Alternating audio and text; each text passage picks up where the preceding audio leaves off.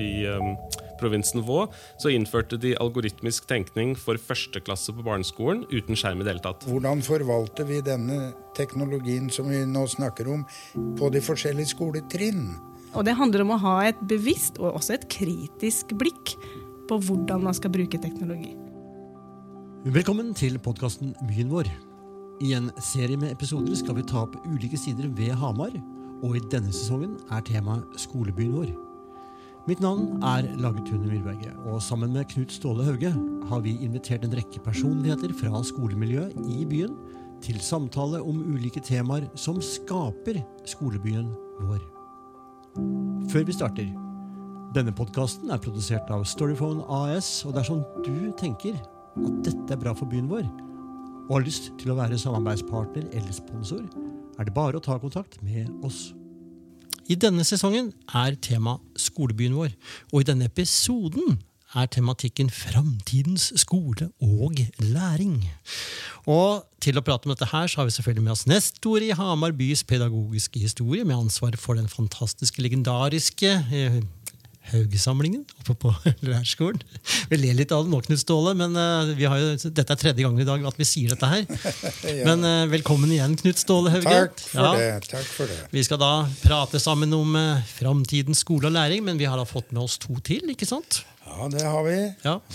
Så til din høyre side så har vi da uh, ingen ringere enn seniorrådgiver ved HIN, med ansvar for Future Classroom Lab.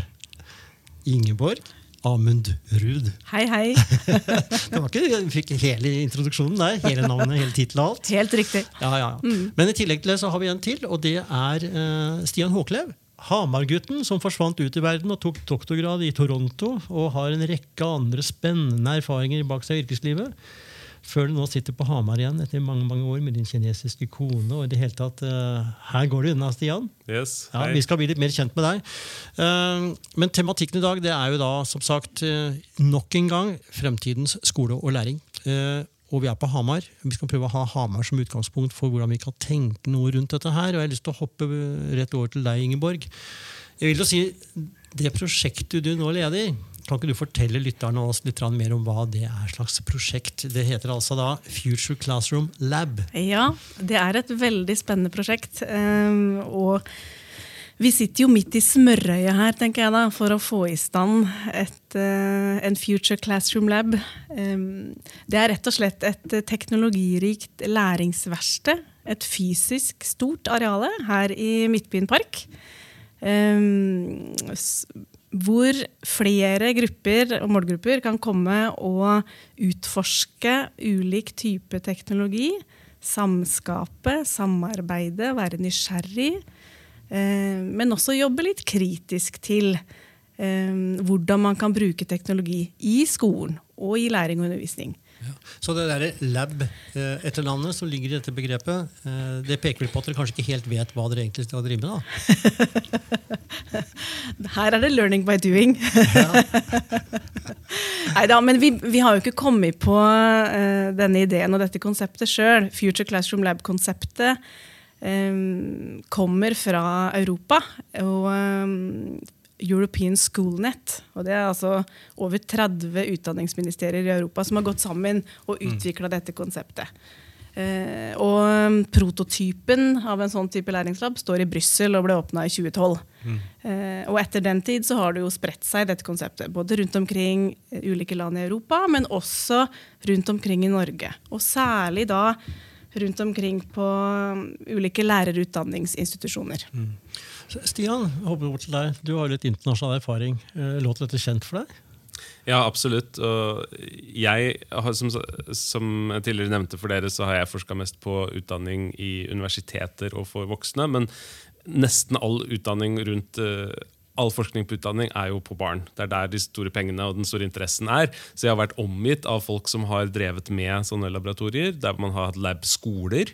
Så Der jeg forska i Canada, så var det en skole som var tilknytta universitetet, hvor vi gikk inn og ut og, og jobba tett med nesten alle, og vi hadde egne rom i den skolen. Eh, det er jo en interessant modell også å utforske for Hamar. Og veldig mye av den Det som er veldig vanskelig, er overførselen fra forskning til praksis. Det å liksom gjøre veldig mye kule ting med store multitouch-tavler og devicer og måling. og Nå skal vi alle utforske et jordskjelv og lære naturfag på en veldig mye mer engasjerende måte. Og så viser det seg at vi fikk fantastiske resultater. Elevene lærte masse. Men det å ta det inn i en vanlig skolehverdag, det blir kjempevanskelig. Ja, Hva er det som skurrer da? Hva er det som skjer? Hvilken skurr oppstår da? Det er jo flere aspekter. En ting er rent hardware. altså hvis du skal, Mye av det kule som skjer, det skjer ved at folk ikke sitter bak hver sin lille skjerm, men at man har store installasjoner og sånn. så Det er veldig vanskelig. Det organisatoriske, med hvordan timeplanen er satt opp, hvordan uh, strukturer fungerer. Ofte skal dette være over lengre tid, uh, over flere klasser. Men så er det jo også bare det med undervis altså det å trene opp lærere, og det å få nok energi uh, til å, å, å få spredd det. Gå ut fra en uh, forskningsartikkel og inn i en klasse, klasse, et klasserom. Knut Ståle, hva var lissepasning til deg? Ja, Ferdigheten? Jo, akkurat, for dette er jo veldig interessant. fordi at uh, på 1870-tallet eh, så eh, ble det da mast fra ledelsen her ved Hamar seminarium på at eh, nye undervisningsformer og nye former for å formidle undervisning måtte kjøpes inn. Eh, Da hevdet eh, styreren her overfor departementet at denne skolen, Hamar seminarium, kunne ikke gå bak og se hva som skjer ute i næringslivet osv. av moderne eh, læregjenstander, men man måtte ha det her. Og da ble det innredet et eget rom her oppe eh, med alle mulige slags moderne hjelpemidler som lærerne rundt omkring kunne komme og se på og studere. Og da jeg begynte her i 1870? ja, Du må ikke snakke om barndommen min. Da jeg begynte her, da stillingen min eh, i sin tid ble utlyst, så var det som lærer i AV, læremiddelfag og læremiddelpedagogikk. Og da var det utarbeidet en plan fra departementet når det gjaldt lærerutdanningen og disse moderne såkalte læremidlene. Så da kjørte jeg løs her da med alle studenter, eller elever het det da, studenter, de skulle lære å tre film. Beherske filmapparatet. De skulle kunne spille inn på lydbånd. eh, og bruke og skjøte lydbånd. Vi lærte det, studentene det. Eh, De skulle lære å kopiere, duplisere, spritduplikator og alt dette her. For de skulle beherske og kjøre lysbilder, ikke minst. Filmstrips var jo veldig aktuelt da, med samarbeid med NRK, ikke sant, som kjørte lyden til disse filmstripsene som ble tatt opp på lydbånd. Og ding, som du sa, hver gang de skulle skifte eh, bilde. Og det var jo teknologi den gangen. Og det som da var viktig for meg, og, oss som drev med det, var at studentene fikk det under huden. All teknologi skulle de kunne lære eh, så godt at de behøver ikke å tenke på den. De kunne bare bruke den som en selvfølgelighet. De kunne skifte pærer på lys, eh, lysbildeapparatet hvis de gikk i stykker osv. Ikke noe problem. Så teknologien behøvde de ikke å tenke på. Hvordan var dette her på Future Laben deres, Ingeborg? Jo, eh, og jeg tenker her har vi et mandat, da, og her kan vi bidra med å fylle et eh, behov og hjelpe til med opplæring og kompetanse. Um, og én ting er at vi skal utdanne framtidens lærere eh, som skal kunne håndtere den teknologien og det utstyret som er ute i skolen per i dag. Men vi ser jo også at vi får mange henvendelser fra lærere som jobber i skolen i dag eh, blant partnerskolene våre, som ønsker å komme til oss for å få mer påfyll eh, og kompetanseheving i bruk av teknologi. Og veldig, veldig mye av det utstyret vi har i Future Classroom Lab hos oss nå, er jo utstyr som fins ute i skolen allerede. Så det er jo ikke sånn at vi ligger liksom helt der framme og skal være en spydspiss og utforske det aller, aller nyeste som ingen kjenner til. Men hva er vitsen da? Hva er det skal Det er, jo, eh, det er jo vel så viktig å eh, kunne både håndtere og bruke ulik type utstyr og ha et bevisst forhold til hvordan du skal bruke det. ikke sant? Eh, og det er litt viktig, da, hvordan vi opparbeider den profesjonsfaglige digitale kompetansen som lærere eh, skal kunne ha. Og det handler om å ha et bevisst og også et kritisk blikk på hvordan man skal bruke teknologi. Et eksempel. Nye læreplaner som kom høsten 2020. Eh, dette med algoritmisk tenkning, koding, programmering inn i ikke alle fag, men denne måten å tenke på skal liksom gjennomsyre eh, veldig mange fag. Så får jo skolene masse nytt utstyr som de skal bruke til koding, og programmering, men heller mangelfull oppfølging i forhold til hvordan de skal bruke det. Didaktisk. Ja, Um, så kan lærerne komme til oss og få ideer om hvordan de kan jobbe med det her på en veldig enkel måte. Mm. Ulike typer klassetrinn. Ballen over til deg, Stian. Eh, algoritmisk læring. Hva umiddelbart tenker du i et sånt uh, ord? Begrep? Jeg tenker Det er fantastisk spennende. fordi at Hittil så har det vært så mye diskusjon om skjermtid og iPad, og, liksom at vi skal skape fremtidens uh, digitale uh, mestring. Men Problemet er at det å bruke en iPad, det å skrive noe på YouTube eller snakke til Siri, dette blir jo enklere og enklere med AI, det er ikke vanskelig. Og det klarer barna våre, og det får de med seg på skolen eller utenfor skolen. Det som er kjempeviktig, er jo å prøve å forstå hvordan er det internett henger sammen? Hvordan er det disse algoritmene allerede styrer livet vårt, men kommer til i mye mye større grad? Både for å være effektive på arbeidsplassen, men også som demokratiske borgere. Når vi hører disse diskusjonene om TikTok og, og spionasje og falske nyheter osv. Og, og det er der jeg tenker at man virkelig kan gjøre en stor innsats. Som f.eks. et enkelt kodekurs som sønnen min akkurat begynt med Scratch. og Han eh, drar mm. klosser og bygger opp og tenker oi, nå fjernstyrer jeg og eh, Nå lager jeg en algoritme. Mm. For meg så er det mye mye mer meningsfullt enn at han skal sitte der og lese en, en lærebok som har blitt skanna på iPaden sin. som ikke gir mening i det hele tatt. Men dette er jo noe som krever utrolig mye fra lærerne våre. Og det, det, er en veldig stor utfordring å gi dem nok støtte. Og selvfølgelig læringsressurser for at de skal kunne formidle dette på en god måte. Mm. Til lytterne som ikke da ser det jeg ser, så kan jeg jo bekrefte til dere at det er ekstremt mye kroppsspråk på Stian han snakker nå.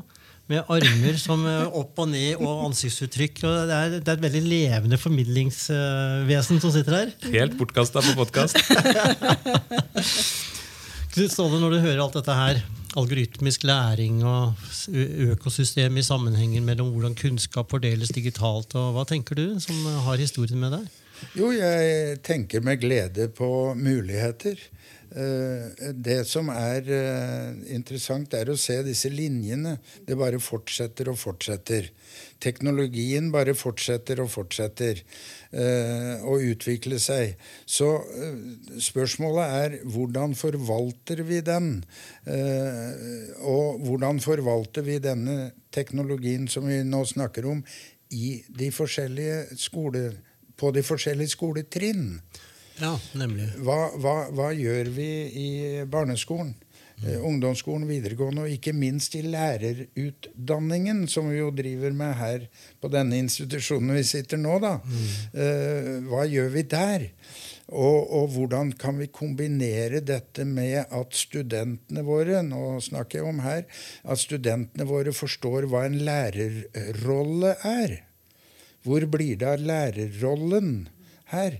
Uh, i dette. Det kunne jeg spørre deg om, Stian. Hva, hva, tenker du om lærerrollen inn i dette? Du har jo til og med drevet et universitet hvor det ikke var lærere i det hele tatt, forsto jeg nesten? Jo da, det var veldig veldig viktig rolle for lærere uh, på det universitetet. så en av de viktigste tingene vi har lært om hvordan folk lærer, og nå snakker jeg om uh, studenter, det er at forelesninger er omtrent det minst effektive du kan gjøre.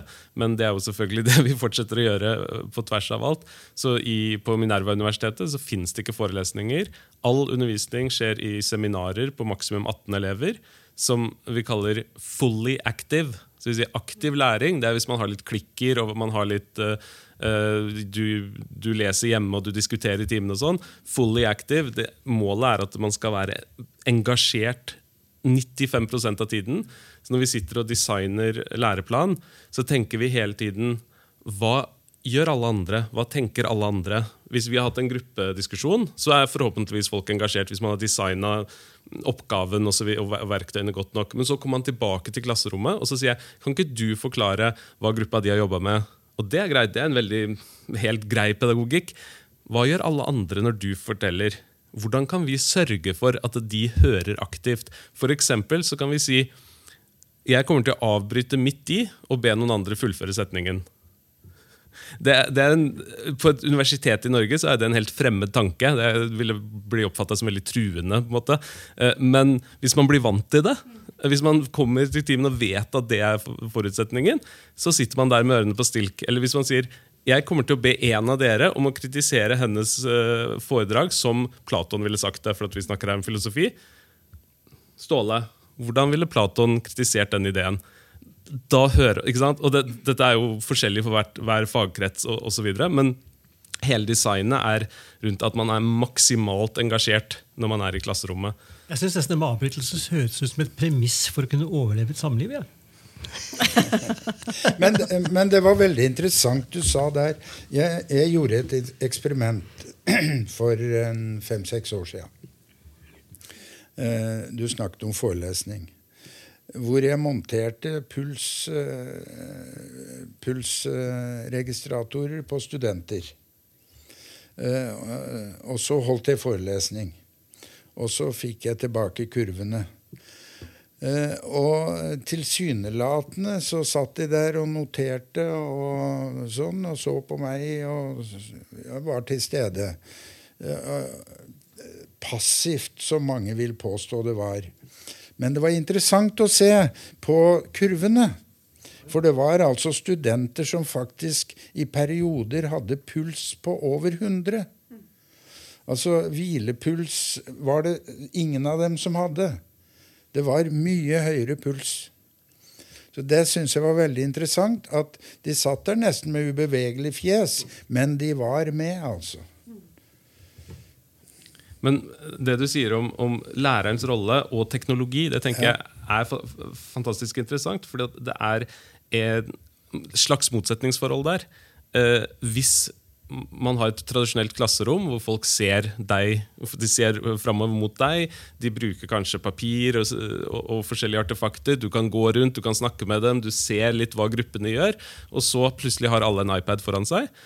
Og den åpner fantastiske muligheter. Det er veldig mye spennende du kan gjøre på den iPaden, men da er du plutselig inne i et kommersielt program som er utviklet av et eller annet forlag eller et eller annet eh, amerikansk firma.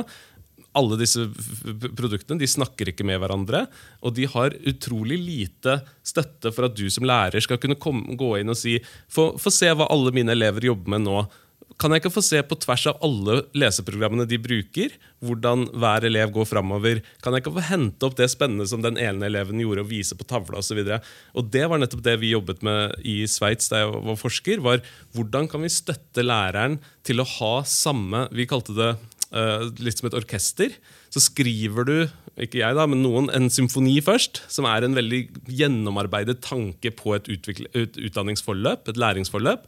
Men så kommer du inn i klasserommet, og så plutselig kjører en brannbil forbi vinduet, og så en, og så er det en eh, elev som må på do, og så skjer masse ting. Men du som lærer, som både fagperson og som da øh, øh, Hva heter det på norsk? Konduktør. eh, eh, dirigent. Dirigent. Dirigent, ja, ja. Dirigent. Conductor. Ja, eh, dirigent. Du skal på en måte klare å få alt dette her til å spille på lag, men da må du ha feedback. Du må vite hva som skjer. Hvis du er i et korps, så hører du hvordan de spiller.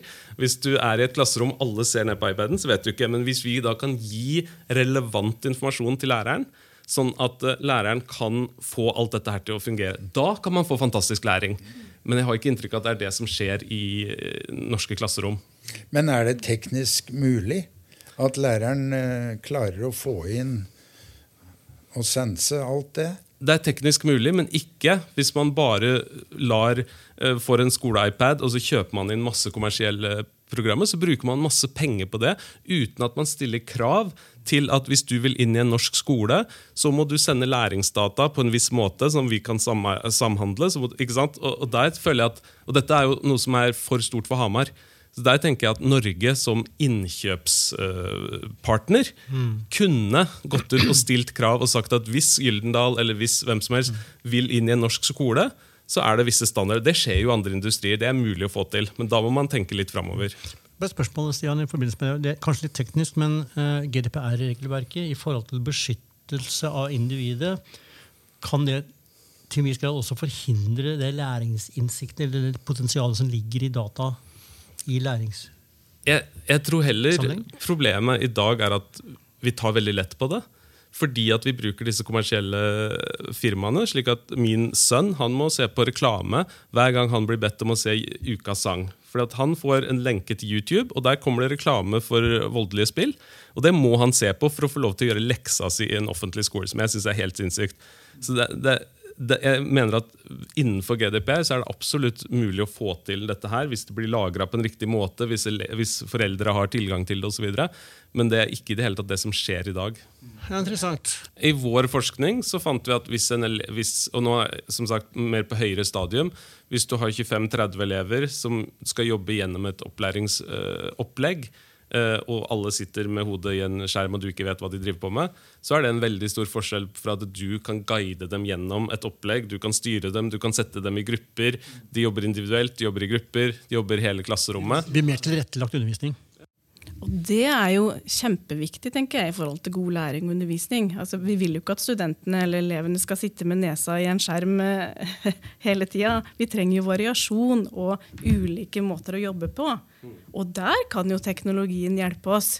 Men det handler jo om å bruke den på riktig måte, sånn at den fremmer på en måte det læringsutbyttet vi ønsker å oppnå. Men samtidig tenker jeg også at det du nevnte, Ingeborg, med eh, algoritmisk tenkning, innebærer litt av det Stian snakker om. Altså det å ha innsikt i hvordan algoritmene kan brukes for å anvende et, et mangfold av virkemidler innenfor den skjermen. Så er det litt for lett å si da, som Kristelig Folkeparti, at vi skal ikke ha skjerm. Fordi man ikke har forståelse eller innsikt eller eh, ideer eller forståelse godt nok om hvor stort mangfold som også ligger i skjermen. Men der var vel kanskje narrativet til den universitetet du jobba med, Stian, kanskje eh, mer premissgiver for at det også var viktig å forstå det mangfoldet da, i det Ja. digitale økosystemet. Men, men jeg tenker at vi må gå veldig mye forbi det med, med skjerm og iPad. Altså, I uh, Sveits, der vi jobba, i, i um, provinsen Vå, så innførte de algoritmisk tenkning for første klasse på barneskolen uten skjerm i det hele tatt. De hadde masse pedagogiske aktiviteter hvor folk gikk rundt, de lekte, de bygget ting. Én sto bak et uh, forheng og skulle gi den andre instruksjoner om å bygge en ting, og kunne ikke se hva han gjorde, og lærte viktigheten av å gi veldig presise instrukser. Uh, og så har du alt fra roboter til 3D-printer til V- altså VR. Så ja, jeg skulle gjerne kommet mye lenger vekk fra den iPaden, særlig de første par årene, og heller brukt de pengene til alt det fantastiske som man kan gjøre, og mye av det som faktisk hvor man beveger seg, hvor man jobber sammen. Og der er du inne på noe viktig, Stian. For når vi snakker om algoritmisk tenkning hos oss, så er det ikke bare blokkprogrammering vi snakker om. Altså, det handler mer om å tenke algoritmisk tenkning som altså en måte å løse problemer på. En problemløsningsmetodikk. Evnen å ta store, komplekse problemstillinger og bryte det ned i mindre håndterbare, løsbare oppgaver. Eh, og for å begynne å jobbe på den måten, og helt ned i de lave klassetrinna, første og andre klasse, så begynner vi jo uten eh, teknologien. Kode med kroppen. Det handler om å gi klare instruksjoner, god kommunikasjon, du må trene samarbeid. Okay?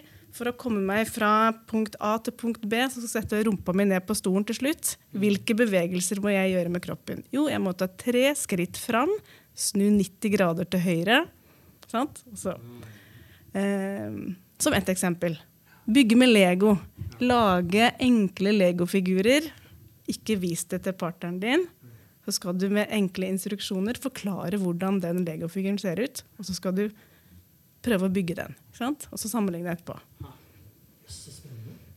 Så um, vi har hatt, eh, vi har hatt 30 andreklassinger på besøk eh, som ville ha en introduksjon til eh, algoritmisk tenkning. Mm. Så dette er et eksempel på at vi kan gi input, eh, ja, bre ut da, eh, tenker jeg, måter å jobbe med teknologi på. Helt avslutningsvis, eh, vi går mot slutten på den podkasten-episoden her, men eh, hvor eh, trenger vi skole i en digital framtid? Oi, stort spørsmål. Ja, vi trenger skole. Vi vil alltid trenge en eller annen form for skole. Hva slags Og skole? vi, og vi vil også trenge eh, lærerrollen. Selv om den sannsynligvis også vil endre seg noe.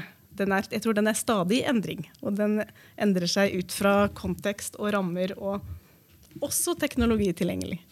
Men vi vil alltid trenge noen som kan sette gode rammer og veilede og fasilitere gode læringsprosesser, tror jeg. Stian, du representerer jo med Minerva University definitivt en redefinering av eh, skole. Kan du ikke bare fortelle lytteren litt om det? Hva det var? Ja, Minerva-universitetet det var jo da et, eller det eksisterer fortsatt og starta i ca. 2012. Tanken om hva hvis vi bygger et nytt universitet fra scratch Dette er et veldig amerikansk konsept. i sånn disruption, Basert på alt det vi vet om hvordan folk liker å, altså faktisk lærer. Uh, og m- måten, Det er en del da forskjellige ingredienser, men hovedideen er dette med veldig aktive seminarer som er korte og utrolig intense. Du skal svette og øh, være helt utslitt når du er ferdig, men du skal ikke kjede deg. Eh, Masse selvfølgelig arbeid hjemme osv. Helt egenproduserte eh, dataplattformer som hjelper nettopp med dette å både skripte, lage veldig gode læreplaner, veldig godt uttenkte læreplaner, men så faktisk gjennomføre de dynamisk. Men så, fordi at dette skjer online, men elevene bor sammen så det er litt, eh, Vi har disse ideene om at enten så er du in person, eller så er du hjemmefra. Men her sier du hva hvis vi har det online, men alle bor sammen? Men det betyr f.eks. at vi da kan flytte dem rundt om i verden. Ettersom hvordan vi tenker pedagogisk det er nyttig at de tilbringer et halvt år i, i Sør-Korea, men at de kan lære fra. Og dette er jo faktisk en modell som jeg tenker er veldig spennende for Norge, som er et så spredt land. At Når man snakker om skal vi ha høyskole på Nesna eller ikke, hvorfor kan man ikke tenke mye mer fleksibelt? at Hvorfor kan vi ikke ha folk i Nesna som går på en høyskole, men som tar forelesninger i Bodø? Og som er, driver med fiskeoppdrett i praksis på Nesna. Istedenfor at vi må være i den gamle ta tankegangen på at her skal vi ha masse, masse bygninger som er et lite campus. Gud hjelpe meg for noen fantastiske tanker. Knut Ståle, klarer du å lande dette her, som å avslutte denne podkastepisoden? Ja, dette er, jo, dette er jo veldig interessant. Og spesielt når vi tenker inn på lærerrollen og læreren som et forbilde. Eh, og det er jo forskjellig fra skoletrinn til skoletrinn, selvfølgelig. Eh, jeg har et lite dikt her som jeg lurer på om dere vil respondere på. Eh, det er skrevet av en syvåring som skrev det i sin første skolebok i første klasse. Barbro Kalén het denne svenske lille jenta. Vi går i skolan för at læra oss at lesa og skriva og rekna. Men hvem lær oss at leva? Hvor kommer det inn i den digitale skolen? Det må jo være muligheter. Og det er neste episode? Eller? Det kan hende det blir en cliffhanger. I hvert fall til dere som har lytta på denne deilige reisen på 28 minutter, så vil jeg få til å takke Ingeborg, Stian og Knut Ståle for eh, denne fine samtalen. Og håper at du som lytta også syns det er eh, spennende å holde ut og leve videre inn i den digitale framtiden, eller det digitale som vil være en del av vår framtid. Og så gleder vi oss til eh, neste episode i Byen vår podkast. Takk til dere. Tusen takk. Takk. Takk, takk. Takk for at du har hørt denne episoden av Byen vår. Episoden er produsert av Storyphone AS, og du kan høre flere episoder der du lytter på podkaster. Dersom du tenker at dette er et spennende tilbud for byen vår, så kan du ta kontakt og bli med som samarbeidspartner og sponsor. Vi høres i neste episode.